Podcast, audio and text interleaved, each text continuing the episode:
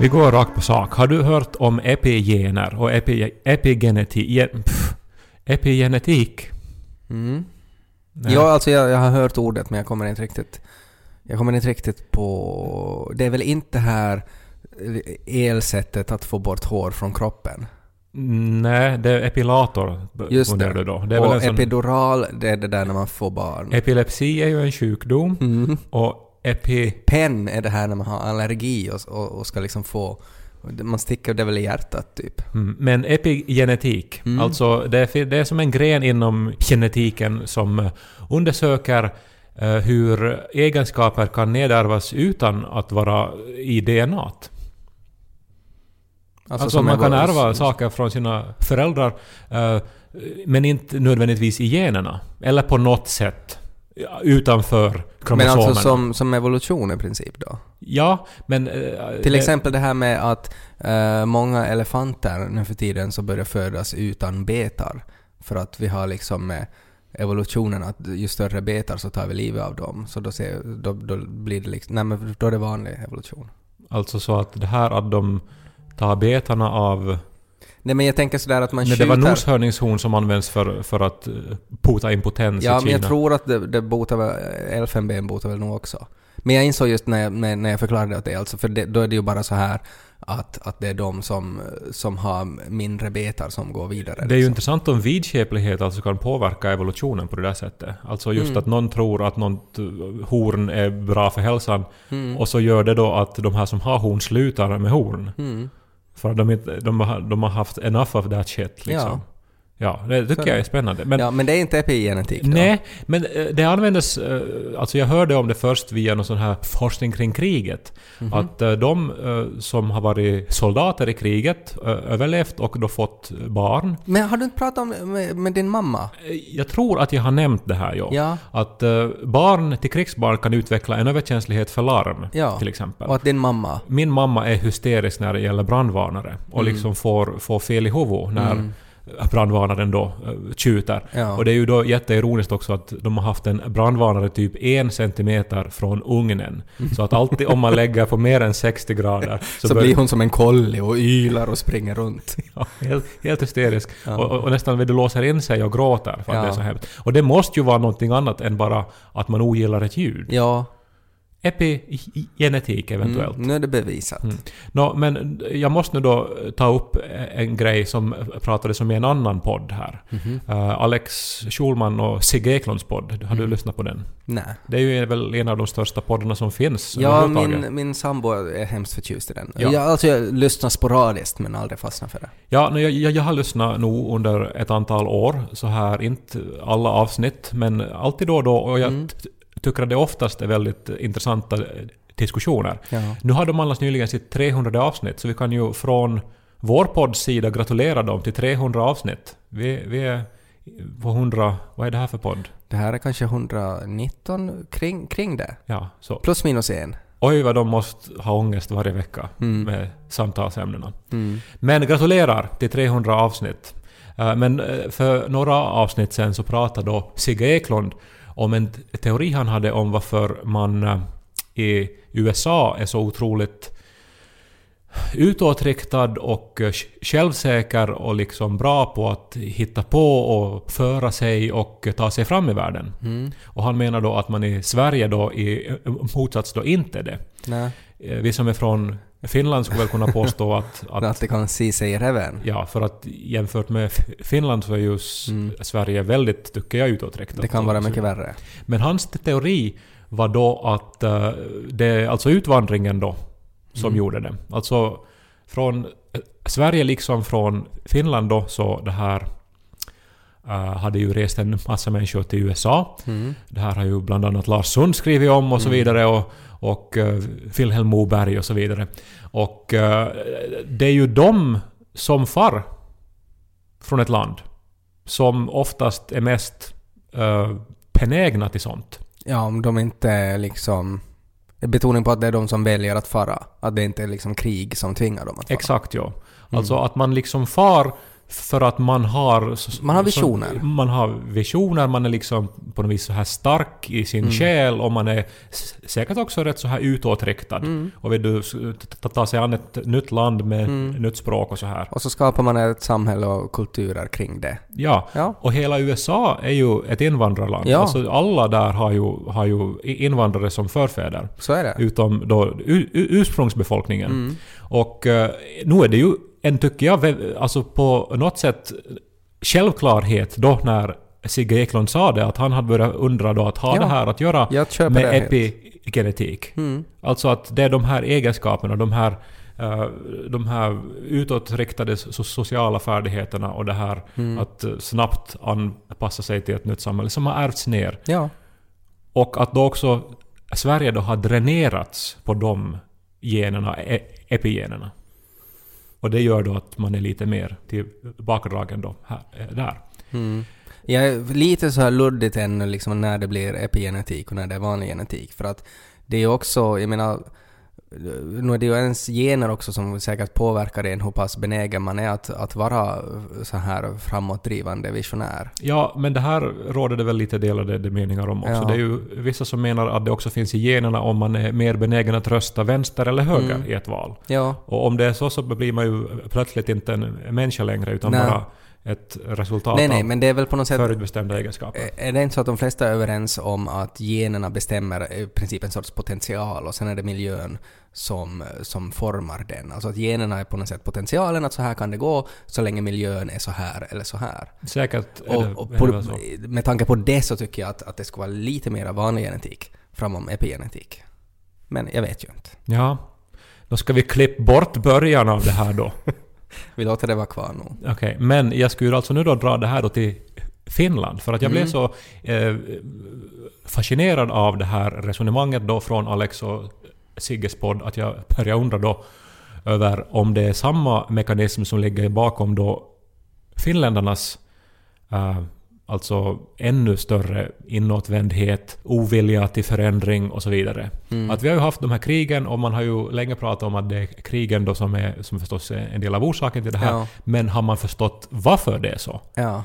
Är det så att de som var de här utåtriktade, de här mest spontana, Det var de här som vilda, dog. Det var de som, som sprang rakt fram och dog i kriget och inte fick barn. Nej, och det var de här ynkruggarna som var inåtvända, som inte ville sitta bredvid någon annan vid busshållplatsen. Det var de som överlevde. Ja, men alltså, jag, jag vill absolut inte förminska någon Krigshjälte. krigsinsats här. Nej. Men att, men att nu är det ju, tycker jag, en väldigt intressant teori om det är så att vi under krigen dränerades på framåt Mm. egenskaperna Ja. för att de gav sitt liv för landet Mm. och fick inga barn. Nej.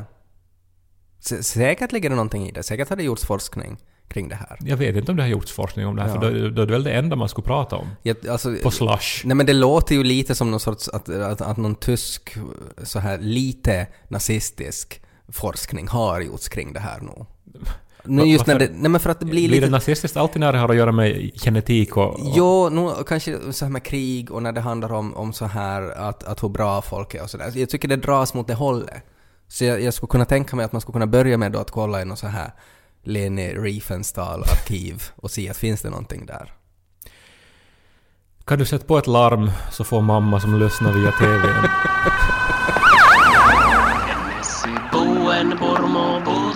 puuttuu bottling som talas sitt så popna popcorn så vi popnu denna popcorn så vi lys på Ted och Kaj På tal om att dö i krig, eller bara sådär i allmänhet, så jag råkar bara att köra förbi en begravningsbyrå. Det är ju alltid spännande tycker jag när man tittar in i begravningsbyråer, att oftast så har de ju hemskt nära geografiskt sett så finns det ju en blomaffär också. Många gånger så är det liksom i, i samma eh, butik, jag vet inte om man ska kalla det butik, i samma lokal så är det en begravningsbyrå och sen är det också en blomaffär. Som har ju på något sätt en så här ohelig allians att de, de liksom att begravningsentreprenören ger mat på bordet åt floristen och fl- floristen tar livet av folk. Låter det ju som. Men det, det, det går ofta hand i hand Och liksom. de är alla, all- allihopa också vid sådana här väldigt livliga korsningar. Så här, där det, där, där det kör mycket bussar hårt. Ja, men det som, som jag reagerade på när jag såg den här begravningsbyrån, och jag vet inte om det här är... Det kan ju hända att det här är bara på den här begravningsbyrån, men det kan också hända att det här är liksom vanligt på alla begravningsbyråer. Det var nytt för mig. Det stod eh, med stora bokstäver att de har 24 timmars dekyr på den här Jaha. begravningsbyrån.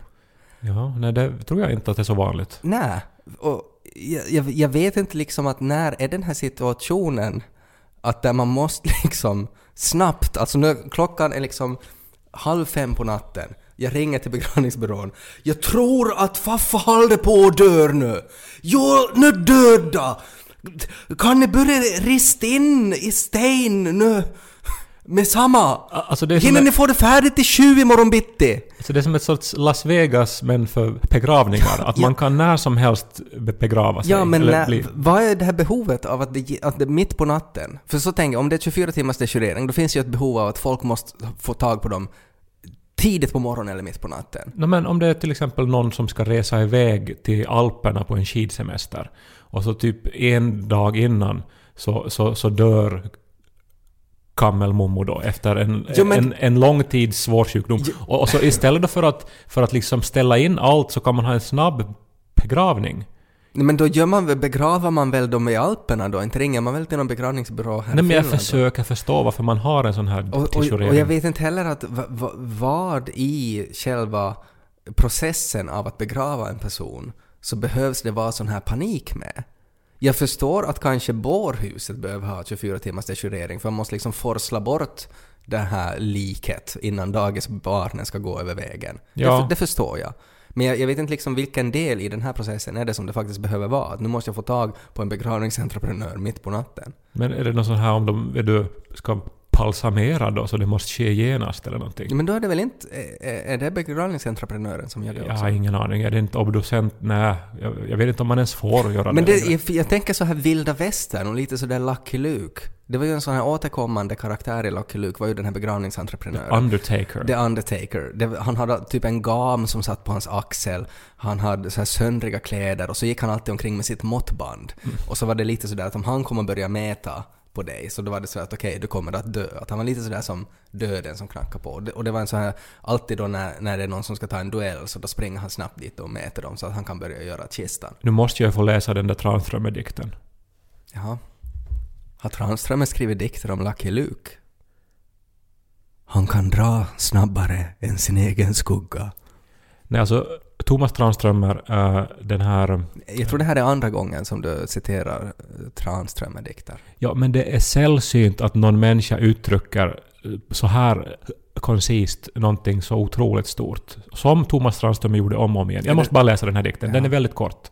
Så här är den. Mitt i livet händer det att döden kommer och tar mått på människan. Det besöket glöms och livet fortsätter. Men kostymen sys i det tysta. Men inte det här samma dikt som du har läst i den här Nej podden? men, Inte kan kom- du ha samma dikt? Alltså, vet du vad? Det är så hemskt. Jag har just läst en bok som vi ska prata om lite senare, eh, som handlar om hur den här konsumtionshetsen och det här användandet av engångsartiklar ju förstås håller på att döda hela jävla planeten. Och vi måste kunna be besinna oss kring sanningar och allvar mera än en gång och ta in det tycker jag. Jag tycker det skulle finnas ett större behov av att det skulle finnas en poet som har 24 timmars deschirering som man kan ringa till och be att få andra dikter än den där ena man råkar ha i- i sin telefon. Och nu är det ju så att författare och poeter är ju det 24 timmar i dygnet. Det är ju ingenting som man lämnar eh, klockan fem när man får från sitt arbetsrum. Sant, en lite viktig del. Poeter och författare som skulle kunna leverera 24 timmar. Plus att där kring 11 börjar man nog vara så full.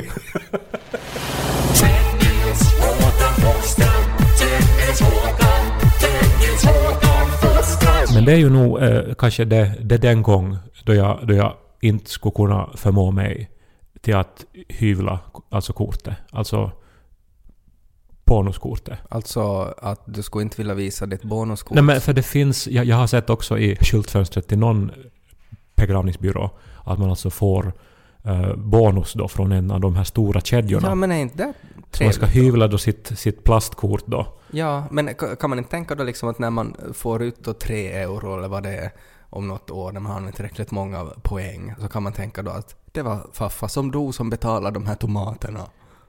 Ja men sen så får man ju också som, som du, sån här post från de här kedjorna då att nu har du tjänat så här mycket och liksom din bonusnivå den här månaden är så här hög. Mm. Nu skulle det vara hemskt då att där står liksom då begravningsbyråns namn och så har man liksom tjänat sig till en högre nivå Mm.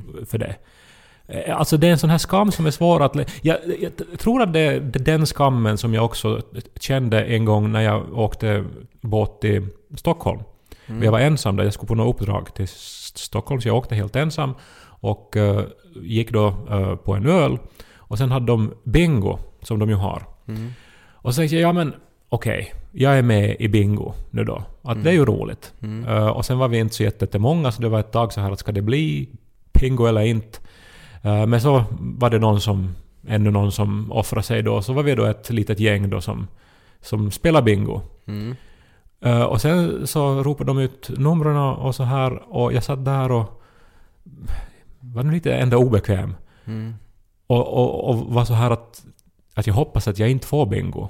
För då måste jag på något vis gå upp och visa för allihopa här att jag eh, har trevligt här nu med det här. Att jag, jag, jag får något ut av det här. Alltså, vad- alltså någonting sexuellt utav det? Nej men att jag gillar det här. Eller att det här är någonting bra. Men det vet väl alla? För att, jag menar, du spelar ju bingo och alla andra spelar ju bingo. Ni är ju precis lika sjuka och perversa allihopa på den här båten. men, men innan, det, det slog mig först när jag var mitt i spelet. Att, att, Att nu vet andra hur mycket du älskar bingo. att jag inte vill vara en som gillar bingo sen inför hela rummet. Jaha. Nå, Det är en väldigt konstig insikt att få där. Tack och lov fick jag inte bingo. Men jag vet att skulle jag ha fått det så skulle jag ha låtit den där chokladplattan fara.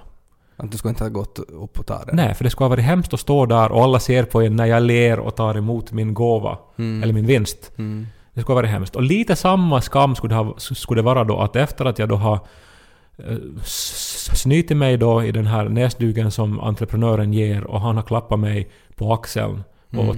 tagit del av sorgen. Så skulle jag ta fram mitt plastkort och, och visa att jag ändå nog vill utnyttja det här. men, ja, ja, men det där är... Alltså, att, att få bonuspoäng för att någon dör, så tycker jag det, det går att fixa väldigt lätt. Och det är helt enkelt att man bara säger att jag säger det här nu i podden så att Lo, eller vem det nu är som tar hand om kroppen sen när jag dör, det är helt fine. Ni, casha in så mycket du bara kan av, av min kropp. Sälj äh, håret och händerna och fötterna, alla organ som använder bara, sälj det till Kina. Det, det gör ingenting. Få så mycket skaffa bonuskort enkom för det ändamålet. Det är helt fine. Det är bara min kropp. Jag, liksom, all, all, du kommer säkert att behöva pengarna ändå, för mycket arv blir det ju inte. Uh, så det, så det, det liksom, här är det nu. Det finns som ljudklipp. Så nu är det liksom fine. Uh, Jag skulle vilja återgå bara till den här bingo-situationen, för jag tycker det är så intressant, alltså den där psykologin där. Uh, För att det är ett sånt här tecken alltså, när man är med om sådana där situationer, så så det där är en sån här situation som jag kan tänka mig att det skulle kunna ha blivit jätte, jättestort i ditt huvud. Alltså just det här hur du tänker och de, den här, på något sätt den här ångesten skulle ha kunnat blivit värre och värre och värre som skulle ha kunnat lett till att när du sen då skulle ha vunnit den där enorma ch- chokladplattan så skulle du liksom ha gått upp och varit helt förbannad och liksom skrikit i mikrofonen att “Are you not entertained?” eller fått någon annan sån här konstig eh, utbrott. För att det liksom blir bara större och större i ditt huvud att allihopa hatar mig, allihopa tycker att jag är så skit. Och att ibland är man ju med om sådana där situationer med liksom crazy persons. Som, som man märker att nu är det någon som gör någonting riktigt konstigt och så har det liksom att de har varit så inne i sin egen värld så länge och att det kan vara intressant ibland att försöka tänka tillbaka att hur, vad, var det de tänkte på som ledde till det där? Ja. Att det skulle vara en jättespännande situation att analysera om du skulle fått ett utbrott medan du tog emot ett pris i bingon. Ja, men man skapar ju eh, monster och så- som man ju sen inte förstår att alla i det här rummet eller alla i sammanhanget inte ser. Mm. Eh, Och sen så låter man då sitt beteende då styras av monstret. Men som det var, det var ju... eh, Någon, I Sverige så var det ju vid något sammanhang där det var någon programledare som steg upp och tog av sig kläderna. Ja, det var Peter Gide Peter som... Jihde. Så, ja, men inte... Alltså det var på någon sån här teaterföreställning. Ja, och så steg han upp på scenen och tog av sig kläderna och var sådär att, att det här ville ni väl alla se. Ja, alltså för han var så väl på något vis in i sin roll som, som kändis i Ja. sammanhanget. Och, och det, där, det var ju en sån här jätteintressant grej, alltså det att vad hände i hans huvud? Liksom, att vad har han suttit och tänkt på som ledde till att han trodde på något sätt att den där salen ville se det där? Och det är lite liknande. Ett exempel från mitt eget liv var när jag var 24 år och jag var med i en skrivtävling som heter Arvid Mörner-tävlingen som ordnas fortfarande. Kan rekommendera den till allihopa som skriver och eh, vill, vill nå ut med sitt skrivande. Eh, leta upp den på nätet. Eh, men jag vann hela tävlingen och eh, fick då åka till Helsingfors och hämta ett pris.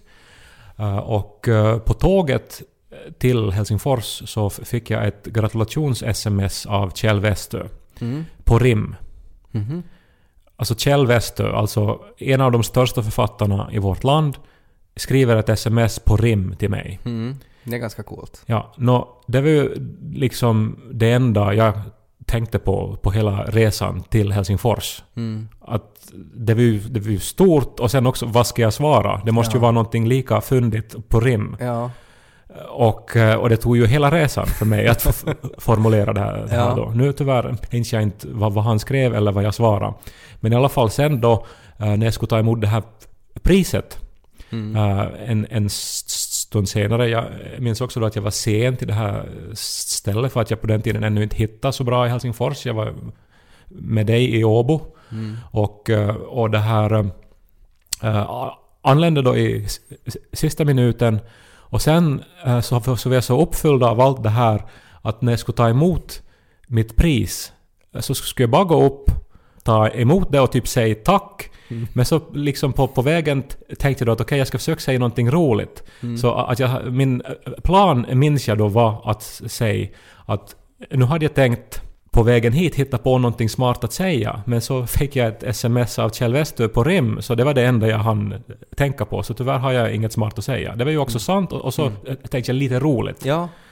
Men så på något vis hade jag någon blackout av stressen och allting att jag typ sa som rakt ut att Tack! Och jag fick också ett sms av Kjell Westö.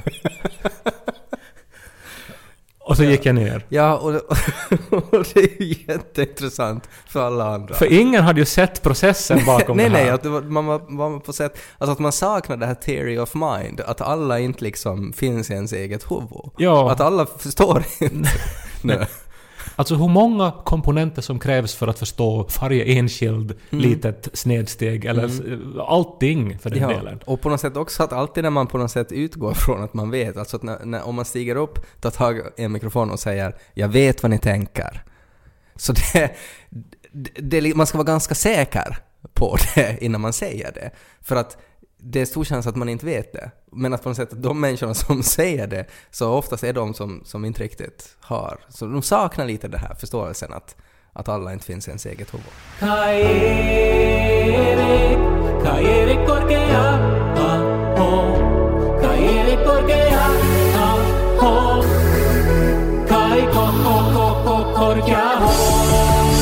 Jag läste en bok då som jag redan nämnde här. The World Without Us.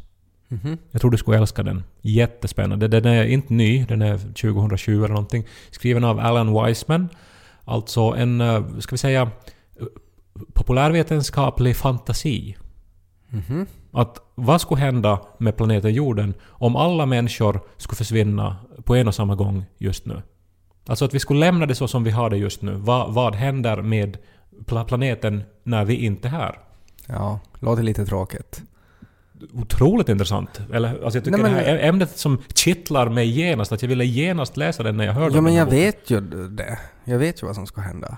Men hur skulle du kunna... Alltså säkert vet man ju som att, vet du, att saker och ting fortsätter. Det förstår man ju. Jo, jo men det, det är liksom det, växterna och, och djuren ska, ska ta över. Ja, och, och men stark- vilka växter? Vilka Ja, djur? växt- Hur ska det gå? Vad händer med växter- alla hus och med all vä- infrastruktur? Vad, vad händer med, med alla kärnkraftverk? Ja men det är väl ointressant. Alltså det skiter ju sig. Det, det som är, finns- ett litet intresse i så tycker jag är vad som händer med djuren. Och där kan man ju tänka då att um, vad, händer med kropparna? Alltså dör alla människor och blir liksom kropparna kvar eller försvinner man bara? Alltså, det här är ju en fantasi, men alltså, alltså alla typ dör på en gång i någon sorts eh, epidemi eller något. Ja, ja, okej. Så kropparna skulle då bli eh, mat då för katterna och, och framförallt och, och, och, kanske hundarna också lite.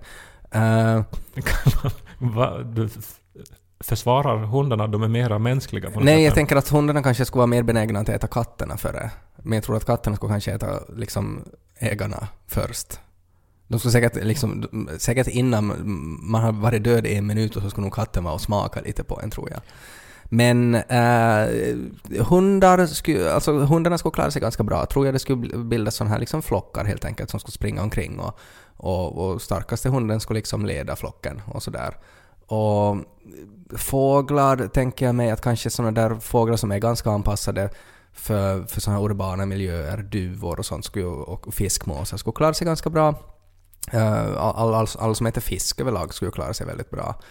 Uh, sen så är det ju intressant när man tänker på djurparker och sådär, att de djuren, att där skulle det vara lite kul. Ja, nu, nu när jag hör dig berätta om det så hör jag ju hur tråkigt det här ämnet är. Ja. För det är ju bara som att ja, hundar skulle klara sig bra, fåglar skulle klara sig bra, djurparker vet jag inte om skulle klara sig så Nej bra. men jag tycker inte, alltså det... eh, Alltså, ja, nog det, finns det, det... det, det här är nog en mer utvecklad, alltså, och, och inte bara att vad händer veckan efter att de äter upp människoliken, Mm. utan det var ju att vad, hur utvecklas planeten? Nej, men planeten utvecklas som så att, att planeten tar, tar tillbaks sig själv. Nå, det där är ganska nära sanningen menar Alan Wiseman då, som ju då eh, löser, eh, eller som ju går uh, och ser på historien liksom, Mm. eh, för att kunna förklara framtiden, som ju är en ganska vanlig eh, metod. Mm. Och liksom ser ju då att hur, hur, hur liksom betedde sig planeten innan vi kom in och började liksom förstöra alltihopa. Mm. Och det här var ju en väldigt ångestfylld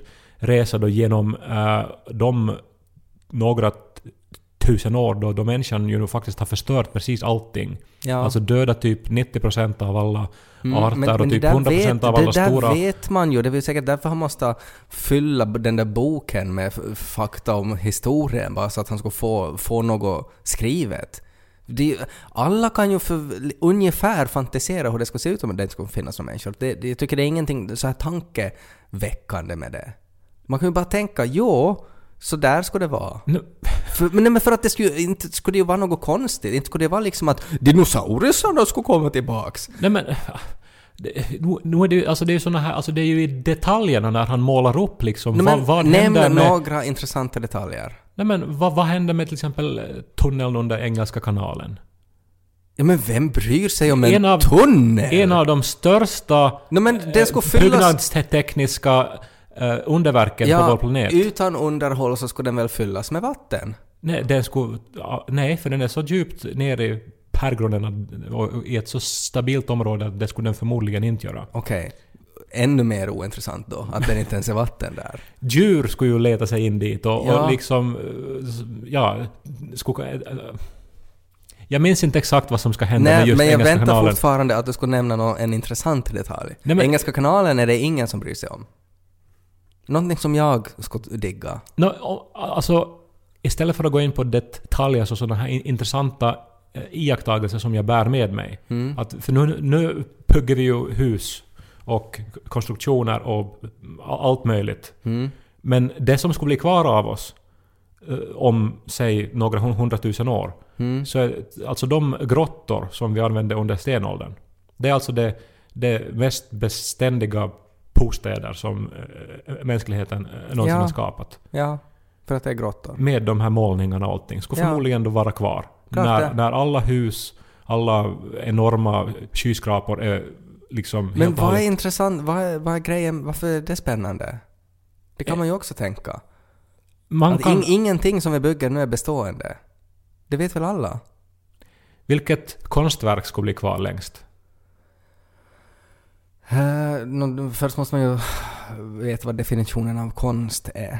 Men säkert finns det väl någon No, sten, det är en sån här världskänd grej som, som, som du nog vet vad det är. någon typ Mount Rushmore. Ja, faktiskt. Var Mount det det? Rushmore, ja. Ja, okej. Och Ett ointressantaste svaret. för att det befinner sig på ett väldigt så här eh, tektoniskt eh, lugnt område och Mm. är uthugget då i, i, i sten. Okej. Ännu inte fått någon intressant detalj. Nå, men det sista som blir kvar av eh, mänskligheten, vad är det då? Eh, Det allra sista tecknet, alltså när också... Andy McCoy.